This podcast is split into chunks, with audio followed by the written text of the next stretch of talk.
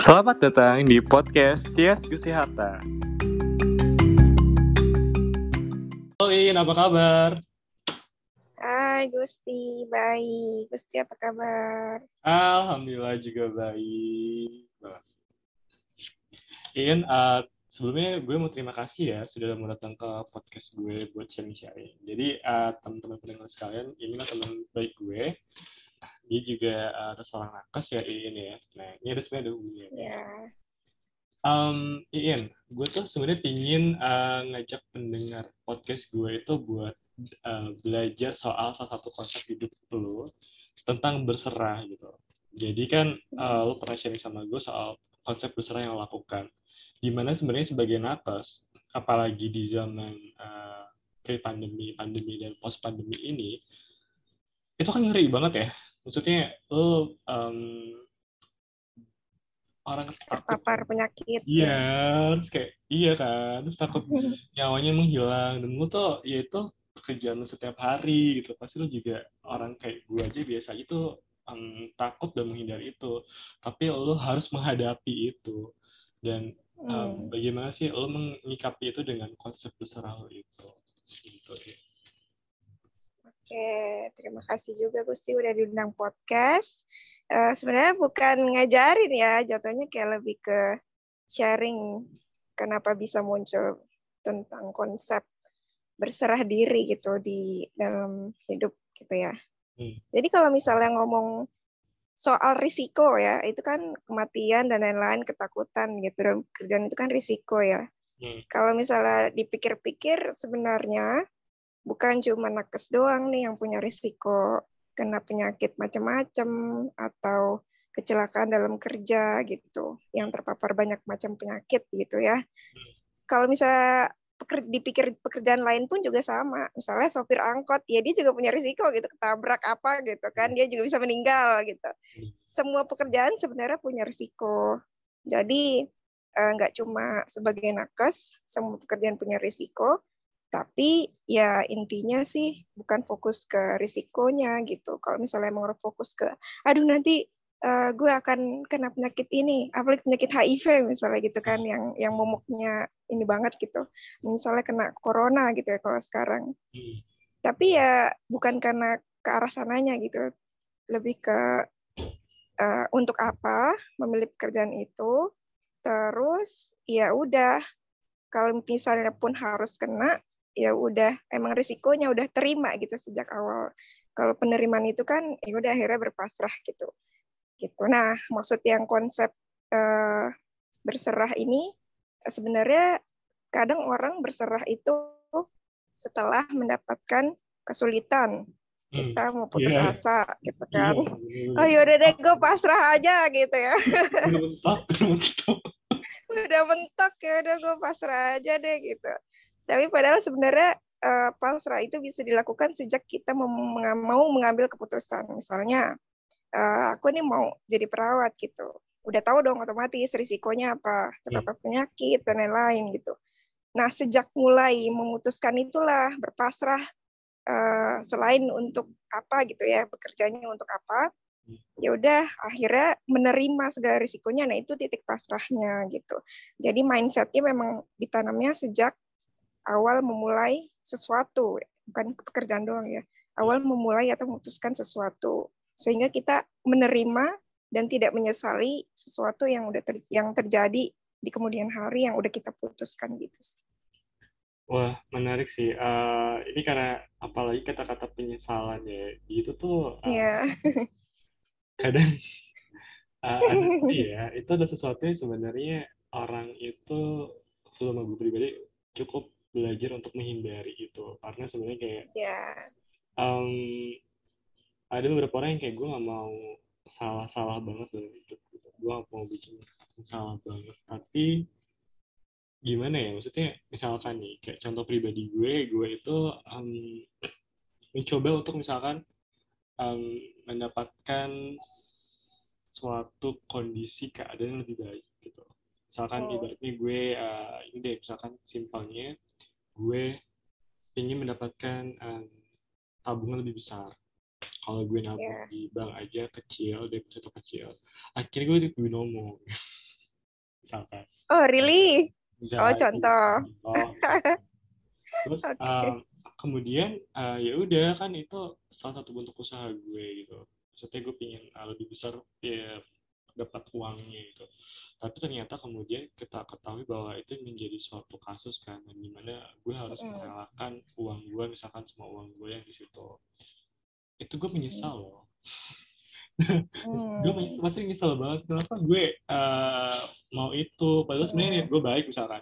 Niat gue baik Iya. gitu bikin rumah buat keluarga gue gitu misalkan. Cuman uh, uh, hilang itu kan nyesek banget. Atau misalkan Ya gitu-gitu kan ada planning planning ada tujuan-tujuan baik tapi ya Tidak sesuai rencana jadi. ya itu itu gimana ya dengan konsep lo tadi berserah aja Jadi kalau dengan konsep itu pertama letak eh, kenapa bisa kecewa gitu, menyesal karena harapannya udah fokus ke satu. Eh, emang sih kita kayak kalau punya goals eh, itu pengennya berhasil gitu ya. ya iya Harapan setinggi tingginya gitu kan. Harapan Benar. setinggi tingginya supaya jatuh di antara bintang-bintang gitu kan. Oh, kalau jatuh sembilan Tapi- kali, lagi lagi sepuluh kali Hmm. gitu. itu konsepnya ya bisa juga tapi kan kadang hidup nggak bisa kita prediksi gitu jadi kalau menurut aku sih yang aman ya Hmm. eh, kalau misalnya menghadapi kekecewaan itu kecewa itu ada karena kita punya harapan gitu Iya. jadi ketika kita menaruh harap ya menaruh harap pada sesuatu yang eh, ya di situlah lu harus ah, lu akan punya peluang untuk kecewa gitu Hmm. Nah, ini konsepnya juga ada tentang ikhlas juga nih. Soalnya aku juga kan nulis di blog ya. Ini eh, karena ngalamin apa gitu kemarin. Hmm. Jadi ujungnya mendapatkan pesan atau prinsip ke diri sendiri juga. Sebaik-baiknya pengharapan itu bukan ke orang lain atau ke sesuatu gitu, tapi ke Allah ya kita Muslim ya, Iya. atau ke Tuhan. Pun ke Tuhan aja itu ngarepnya nggak sesuatu yang muluk, yang penting ridhonya gitu. Jadi apa pun yang terjadi penerimaan yang dia kasih, oh itu yang terbaik gitu. Itu idealnya ya. Hmm. Nah itu idealnya supaya kita nggak mengalami kecewaan. Itu yang aku pelajarin ya, yang aku dapat juga buat aku terapin ke hidup aku dalam mengambil keputusan. Jadi udah sejak dari awal, misalnya yang tadi ngomong soal ingin finansial yang baik. Iya. Oke, kita memutuskan untuk ikut binomo misalnya. Aha. Kan eh, seolah-olah kita nggak tahu nih masa depan ternyata binomo menipu orang gitu kan. Hmm. Kita boleh nggak sih nyebut merek gini? Gak apa-apa. Oh, se al itulah ya. eh, apa namanya perusahaan trading ya. Ikut trading lah intinya. Trading di mana pun gitu. Nggak tahu gamblingnya kayak gimana. Nah sejak mulai memutuskan untuk trading misalnya ya seharusnya sih kita udah tahu risikonya. Dan kita harus menerima dari awal eh, risikonya seperti apa gitu. Jadi ketika kita dalam perjalanan tidak sesuai ekspektasi ya tidak akan kecewa gitu. Sebenarnya udah salah dari awal. Kenapa? Karena harapannya itu kita pengen kaya. Hmm. Itu. Hmm. Itu harapan harapan utama ya. Iya. Bukan tujuan, maksudnya bukan tujuan Jangan- Oh. eh ya tujuan gitu ya. Jadi kalau harapannya ing apa ya jadi gimana ya? Jadi ini sekarang mengatur ekspektasi gitu sih. Iya. lebih ke mengarah mengatur ekspektasi gitu. Gimana kita tidak berfokus pada si ekspektasi. Jadi yang tadi yang aku bilang sih lebih ke fokus gimana kita endingnya ya lebih ke Allahnya gitu, bukan ke apa yang mau kita capai. Tapi kita punya gitu yang mau kita capai, cuma nggak fokus harus ke sana gitu. Harus Karena belum tentu. Nah, karena belum tentu yang kita rencanakan tuh baik untuk kita. Yang kita inginkan belum yang kita butuhkan. Itu. Itu sebenarnya eh, definisi atau translate-nya dari ayat Al-Baqarah sih waktu itu. Ah. Yang baik belum yang baik buat kamu belum tentu yang baik menurut Allah ya. Yang buruk buat kita belum tentu yang buruk buat Allah. Karena aku tuh sering banget berkali-kali ngalamin Hmm. eh, misalnya ngalamin sesuatu yang gagal gitu gagal. Kita mengalami kegagalan itu kan buruk ya kan di mata Iya. kita itu gagal buruk ya. Contoh aku waktu dulu eh, mau SMA ya kan aku SMP-nya di Bogor ya. Hmm, hmm, Cilengsi. Nah pengennya tuh SMA negeri hmm, di hmm. Jakarta. Kenapa? Karena tujuannya mau ke Universitas Indonesia. Hmm, nah mindsetnya adalah planning ya planning planning ya.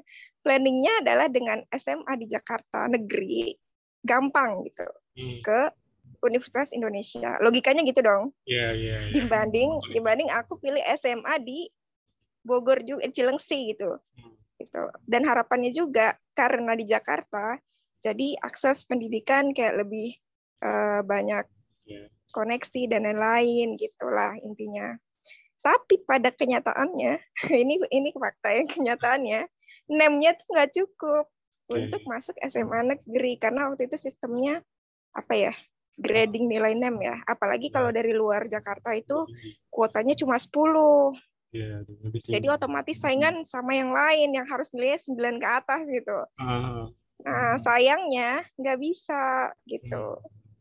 sedih dong karena itu Iya. masih SMP kan Iya, sedih iya. kecewa tidak sesuai rencana dan kenyataan gitu kan tapi eh, akhirnya dibelokin ke ke sekolah madrasah tapi di Jakarta juga. Hmm, karena udah ngotot gitu pengennya di Jakarta. Tapi beloknya ke madrasah.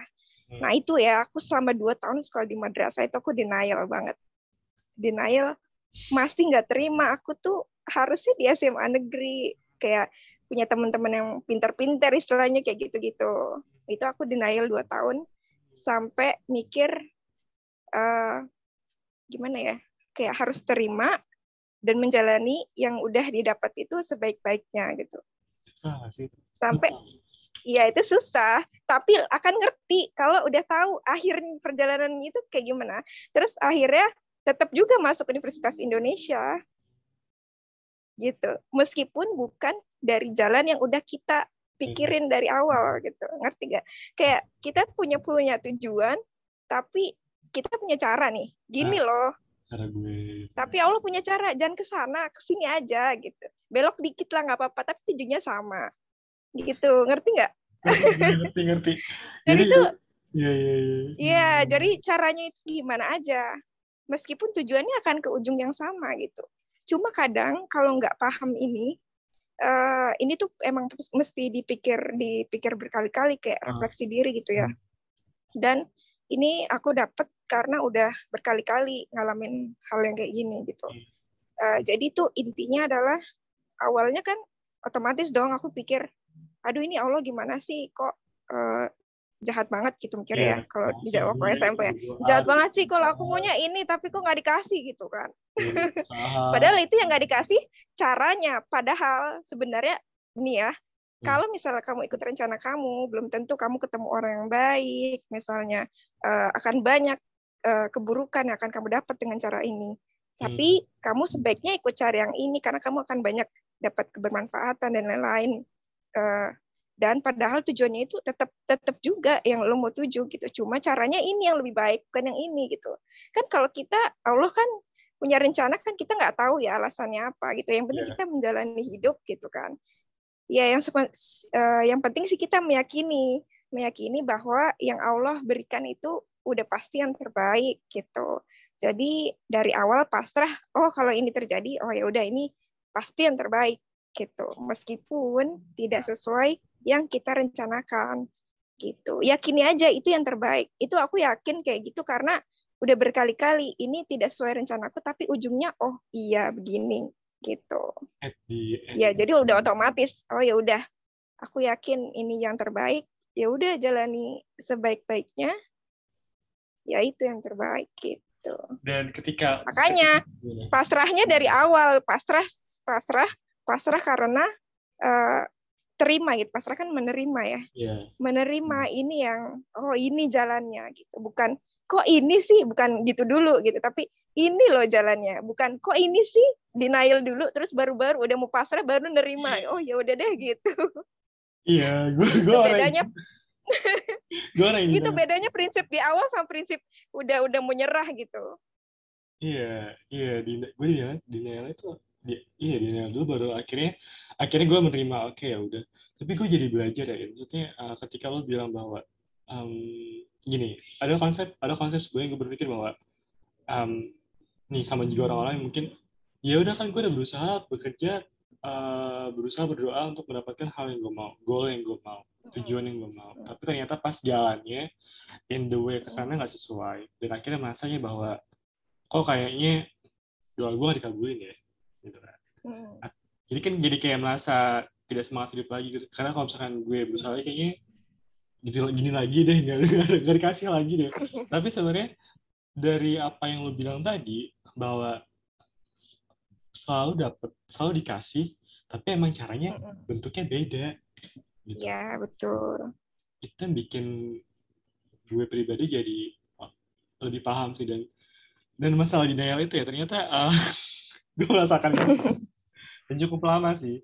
Cuman ketika ketika lo ngomong tadi gue juga berpikir bahwa sebenarnya ya mungkin jalan yang sangat berliku yang gue lalui ini itu yang terbaik iya gue, betul. gue ada pernah fase diginiin ada pernah fase di mana kok gini banget ya jalan hidup gue ya? Gitu. Nah itu dia mungkin sebab kok jalan hidup gue gini banget ya? Itu mungkin sebab satu ada orang lain jalannya mulus-mulus amat. Kok gue gini ya? Gitu. Itu salah satu sebabnya. Yang kedua emang belum dapet nih konsep uh, yang tadi yang yang aku bilang karena memang belum dapat poinnya iya. ketika yeah. mungkin belum terlalu mempelajari kok bisa begini kok bisa begini gitu. Uh -uh.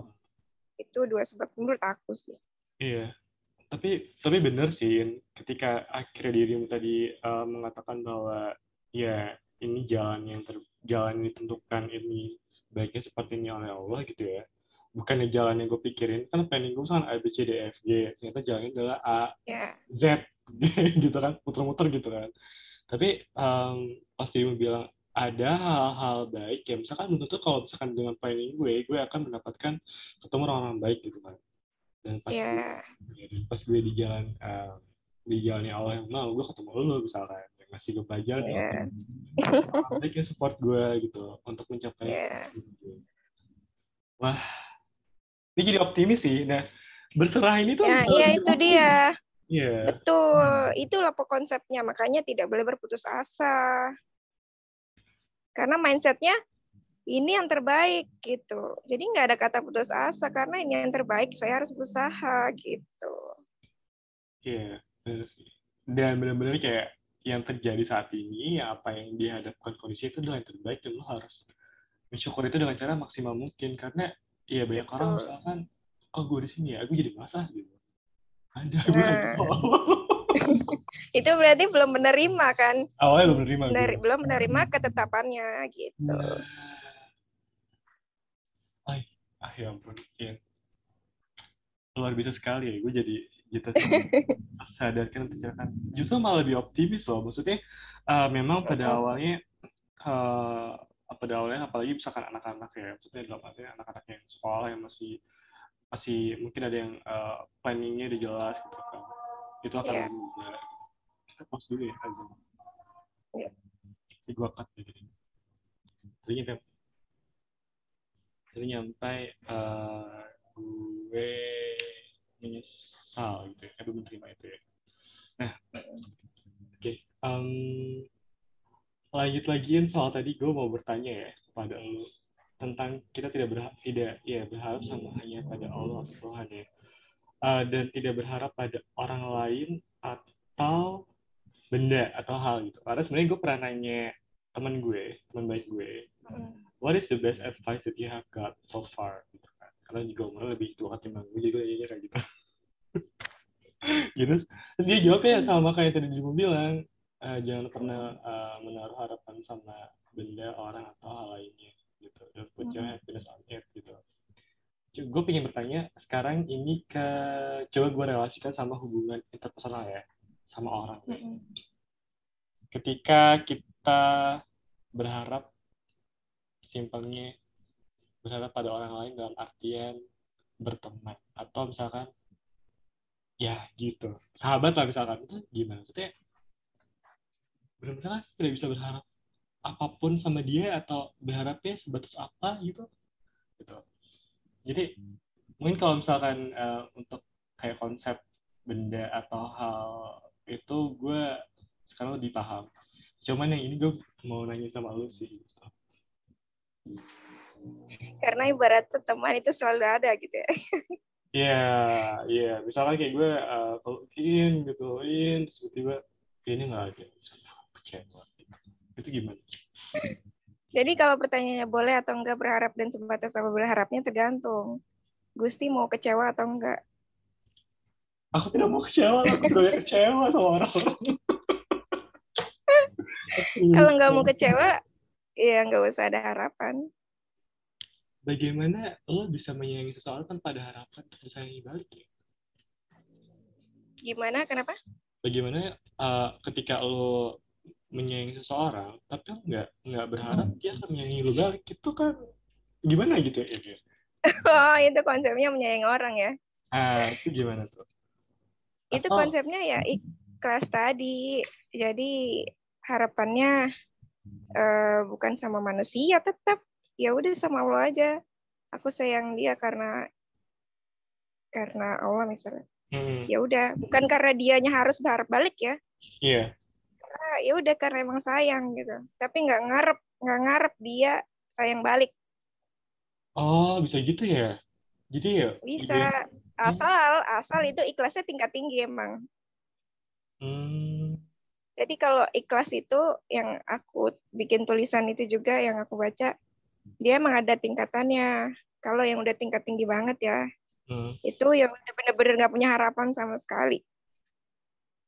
Gitu. Pun ke Allah mau ngarep surga aja enggak gitu. Ah. Bisa nggak tuh? Kebanyakan kan kita at least ya, Iya, kalau yang paling dasar banget kita punya harapan sama manusia, hmm. uh, harapan pun punya harapan supaya dapat pahala itu juga harapan sebenarnya. Hmm. Harap berharap masuk surga itu juga harapan. Jadi hmm. emang kalau ngomongin soal boleh nggak mengharap sama temen konteksnya manusia ya, hmm. ya mau mau kecewa atau enggak. Kalau nggak mau kecewa harus belajar itu, nggak punya harapan sama manusia sama sekali. Kalau nggak bisa, iya berarti emang harus belajar dulu gimana caranya nggak bergantung atau nggak bergantung terhadap harapan yang kita buat terhadap orang lain gitu ada ada hal-hal menarik yang gue dengar uh, dari salah satu YouTube ya itu Dewi Sandra gitu jadi kan um, Dewi Sandra itu for information udah married ketiga kali ini siapa yang sadar ya aku tahu terus um, ada kata-kata yang dia bilang gini ke Daniel waktu itu jadi uh, dia menunaikan kewajibannya sebagai seorang istri tapi meminta haknya ya kepada Allah. Jadi dia bilang kalau misalkan ya udah kewajibannya sebagai istri tuh kayak gini gini gini, tapi kalau misalkan dia minta hak, misalkan uang belanja, mm. Dia minta sama Allah. Jadi dia nggak berharap, ya nggak berharap suaminya bakal ngasih. Tapi ya kalau ngasih dikasih, cuman nggak nggak terlalu. Yeah. Oke, okay, lo harapan gue setiap bulan nah. gitu. Ya susah banget ya. ya. Nah gini, nih itu ya kalau yang aku baca ya, nah. itu masih ikhlas di tingkat yang tengah. Tengah ya karena dia masih punya harapan. Hmm. Dia melakukan kewajiban, dia meyakini dan mengharap Allah membalas apa yang dia lakukan terhadap yeah. kebaikannya. Sama aja kayak kita, ya Allah aku udah baik nih, aku mau surga gitu. Kan ada yeah. harapan. Yeah. Tapi harapannya itu ke Allah tetap, tapi ada harapan. Nah, hmm. kalau yang paling bawah itu yang Dewi Sandra bilang, ya Allah aku udah melakukan hak sebagai istri, tapi ngarep rezekinya bukan ke suami tapi ke Allah. Itu yang dasar itu kalau yang dasar ngarapnya ke suami jadi hmm. jatuhnya hmm. karena ke manusia harapannya hmm. gitu kalau misalnya dibayangin efeknya gimana ke kalau misalnya sebagai istri misalnya ya dia misalnya tadi bilang e, aku udah melakukan kewajiban sebagai istri tapi tidak sesuai apa yang saya harapkan dari seorang suami. Itu kecewanya akan lebih banyak hmm. daripada daripada berharapnya sama Allah tadi yang dia bilang. Tapi akan nggak ada sama sekali kecewa kalau dia nggak punya harapan kalau yang di tengah-tengah tadi, kalau misalnya tidak sesuai harapan dia, mungkin aja dia bisa marah sama Allah kalau dia nggak pasrah gitu, nggak terima. Kan ada kan orang yang, aduh ini nggak sesuai kenyataan, kok Allah gini sih, itu kan marah dong. Iya, yeah, Kalau nggak ngasih sih, itu kan marah. Itu karena kita punya harapan ke Allah, tapi Allah nggak kasih dan kita nggak paham kalau itu yang baik dan kita nggak terima, itu jadi jatuhnya marahnya sama Allah gitu. Jadi emang yang paling benar itu nggak punya harapan Gusti benar-benar ekspektasi ya maksudnya benar-benar kayak iya benar memanajemen ekspektasi lah. Ya mungkin kalau kita punya ekspektasi kita bisa uh, memanage emosi nggak sampai marah atau kecewa sama orang lain atau bahkan diri sendiri ya mungkin uh, ya bisa tapi mungkin jarang ya orang kayak gitu ya. Hmm. kebanyakan punya ekspektasi dan menyalahkan orang lain atau menyalahkan diri sendiri Ya, gue tipe yang menyalahkan diri sendiri sebenarnya. Tapi itu udah bagus karena tidak menyalahkan orang lain. Tapi itu iya. nggak yeah. bagus juga karena menyalahkan diri sendiri gitu. Iya, yeah, iya yeah, benar sih. Dan sebenarnya uh, relate juga ketika ke, sebenarnya gini ya, maksudnya ada yang bilang ya udah lo belajar tuh menyalahkan diri sendiri lebih baik ketimbang dari orang lain sehingga lo bisa belajar dari yeah. Cuma Tapi dia lebih baik daripada itu. Tidak menyalahkan diri sendiri dan menerima gitu. Iya, benar itu benar sih maksudnya uh, kalau dari apa yang gue apa yang gue alami adalah gue suka blaming myself gitu ya mm. and then itu kebentuk jadinya sam sampai gue sa secara tidak sadar tidak menyayangi diri gue mm. sendiri gitu. jadi gue bilang mm. ya karena kayaknya kesalahan mulu gue gitu. Tapi kayak ya ini semuanya gara-gara gue deh gitu kan jadi kayak menyalahkan diri sehingga kayaknya ya tidak berharga tapi selalu selalu sharing ya menerima bahwa ini tuh yang terbaik gitu dan dan lo bakal tetap dapetin apa yang lo mau mungkin nanti dengan caranya Allah gitu ya. Ah gimana. Karena apa yang tadi lo pernah bilang sebelumnya ya ya itu selalu terjadi di dulu kan ya. Lo mau apa jalannya beda tapi ujung-ujungnya dia dapet juga gitu. Kayak misalkan tadi lo tapi ada ada juga. Ya, gimana? Gimana? Lo dulu. Aja soalnya keinget nih ada poin lain. Apa nih? Menyalahkan nggak menyalahkan diri sendiri bukan berarti kita tidak sadar harus memperbaiki yeah, sesuatu yeah. yang harus kita perbaiki. Terus sama uh, yang kita mau nggak harus selalu yang kita mau. Pasti kalau yang dikasih itu pasti kita butuhkan gitu sih. Oh, Jadi mungkin aja kita nggak dapet yang kita mau, tapi dikasih yang lain, tapi itu yang kita butuh gitu. Emang harus acceptance banget sih, acceptance banget sih acceptance banget ya. Jadi dari awal tuh udah udah tahu bahwa yeah. kalau misalkan ya konsep Paham. seperti itu yeah. akan lebih tenang dan ketika nanti iya. ada ada banyak hal yang terjadi di luar rencana ya gowo gitu ya. Karena itu tipikal yeah. yang overthinking kan. Yang ini misalkan ada sesuatu uh, yang sesuai gitu ya. Kepikiran. nggak jadi nggak bisa nggak bisa uh, untuk sesuatu nggak bisa berpikir gitu dan apa ya maksudnya bahkan dalam jangka waktu yang lumayan lama nggak bisa untuk melangkah lagi gitu kan karena I felt that uh, gue orangnya profesionalis kan jadi apa yang gue hmm. berantakan banget nih ya, ya ngapain hmm. lagi gue jalan plan gue berantakan gitu. silakan lah mas go on gitu. itu yang sebenarnya terjadi sama gue dan nah, akhirnya ketika lo bilang tadi bahwa ya rencana lo belum terbaik gitu tapi And wow. Itu udah di Al-Quran itu sebenarnya. Jadi ya emang paling benar ngikutin Al-Quran karena emang udah sesuai petunjuk gitu. Yes. Udah petunjuk paling petunjuk hidup paling benar udah itu. Iya, pagi mau Ramadan ya, pas banget ya. Gue dapet infonya ya. Iya, hidup udah udah puasa, jadi gue dapet lebih ini ya, dapet review. Makasih banget. Oke deh, Iin, uh, untuk um, mengko mengkonklusi nih, mengkonklusi pertanyaan terakhir. Untuk teman-teman yang masih belum belum bisa menerima apa yang terjadi dalam hidup mereka, ada yang masih belum bisa menerima kenyataannya, itu mungkin lu bisa ngasih sedikit um, saran atau apa gitu ya? Kalau soal itu itu ada teorinya sih kalau itu teori psikologi aku belajar juga nih di keperawatan jiwa hmm. jadi itu kan misal kasus berduka kehilangan tidak yeah. Ya. uh, itu ya jadi itu ada prosesnya untuk menerima itu dari sisi sosialnya ya bukan dari uh, batin ya kalau kita ngomong tadi kan soal batin ya soal uh, keyakinan gitu dari sendiri nah kalau yang ini dari sisi perspektif sosialnya jadi kalau untuk misal kita kehilangan seseorang yang meninggal, misalnya uh, kasus meninggal orang yang sangat kita cintai gitu kan, itu kan oh. berat untuk melewati proses berduka kehilangan. Jadi itu sebenarnya wajar-wajar aja kalau kita nggak bisa langsung menerima uh, kondisi itu.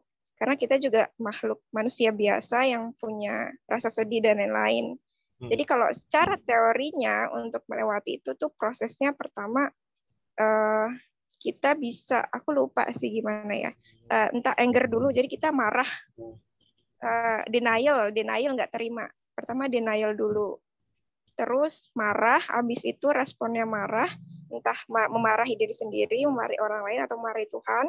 Terus setelah itu ada tahap depresi juga. Hmm. Sampai sebelum kita acceptance. Gitu menerima full. Jadi memang ada secara psikologisnya, secara teorinya, memang ada proses itu dulu sebelum kita bisa menerima. Hmm. Itu normalnya.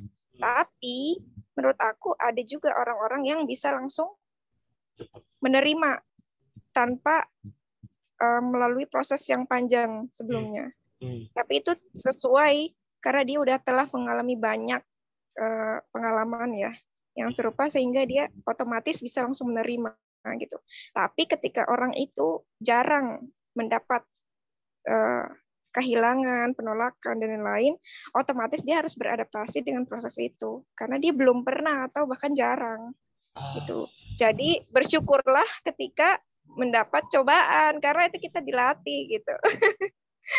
Ini bagus banget sih kata-kata lo nih. Bersyukur dapat cobaan. Karena kita dilatih, dilatih sabar, dilatih gimana menghadapi masalah, dilatih resilience, resilience yang bangkit dari permasalahan gitu, bisa bangkit lagi gitu. Wah, gitu iya, luar biasa sekali. Ini memaknai bahwa banyak hal yang terjadi dalam hidup ya kita dalam hidup kita misalkan hal yang menyenangkan tidak menyenangkan atau misalkan uh, fakta-fakta uh, yang sebenarnya tidak mengenakan itu ada hikmahnya untuk kebaikan ya betul ada hikmahnya oh my god Ian ya itu dia makanya kadang ada orang yang butuh support system ketika melewati proses kehilangan berduka gitu kadang ada yang bisa go on by uh, himself or self gitu. Jadi memang tergantung individunya gitu. Kan beda-beda ya. Jadi konsepnya tapi memang seperti itu cuma mungkin variasinya tergantung yang dialami itu. Wah, iya makasih banget nih buat ilmunya yang luar biasa ya. Dan gue berharap uh, misalkan ada pendengar podcast gue entah kapan yang lagi galau, yang lagi belajar menerima dalam hidup kenyataan yang tidak menyenangkan atau kok hidup gue gini banget ya kok gini banget ya kok kayaknya nggak adil ya ini uh, bisa belajar bahwa sebenarnya apa pun yang terjadi dalam hidup kita itu buat kebaikan kita dan Setuju. Dan percaya aja at the end itu pasti indah kok Iya, betul.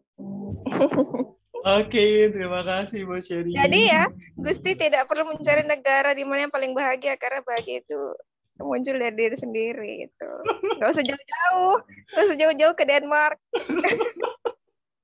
Oke, benar benar benar oke bisa. Iya iya. Iya benar benar. Iya benar. Karena ya. pun kalau mencari itu kan kalau ke sana harapannya mencari kebahagiaan lah. Kalau misalnya nggak nemu juga di negara yang paling bahagia karena masalah diri kita sendiri ya sama aja bohong. wow, dan dan happiness is tapi ya, bukan meletakkan happiness di, di luar di luar diri kamu ya. Wow. Luar biasa. Yeah. Oke, okay, kita tutup ya. Makasih banyak, Iin. Sama-sama. Semoga bermanfaat. Amin.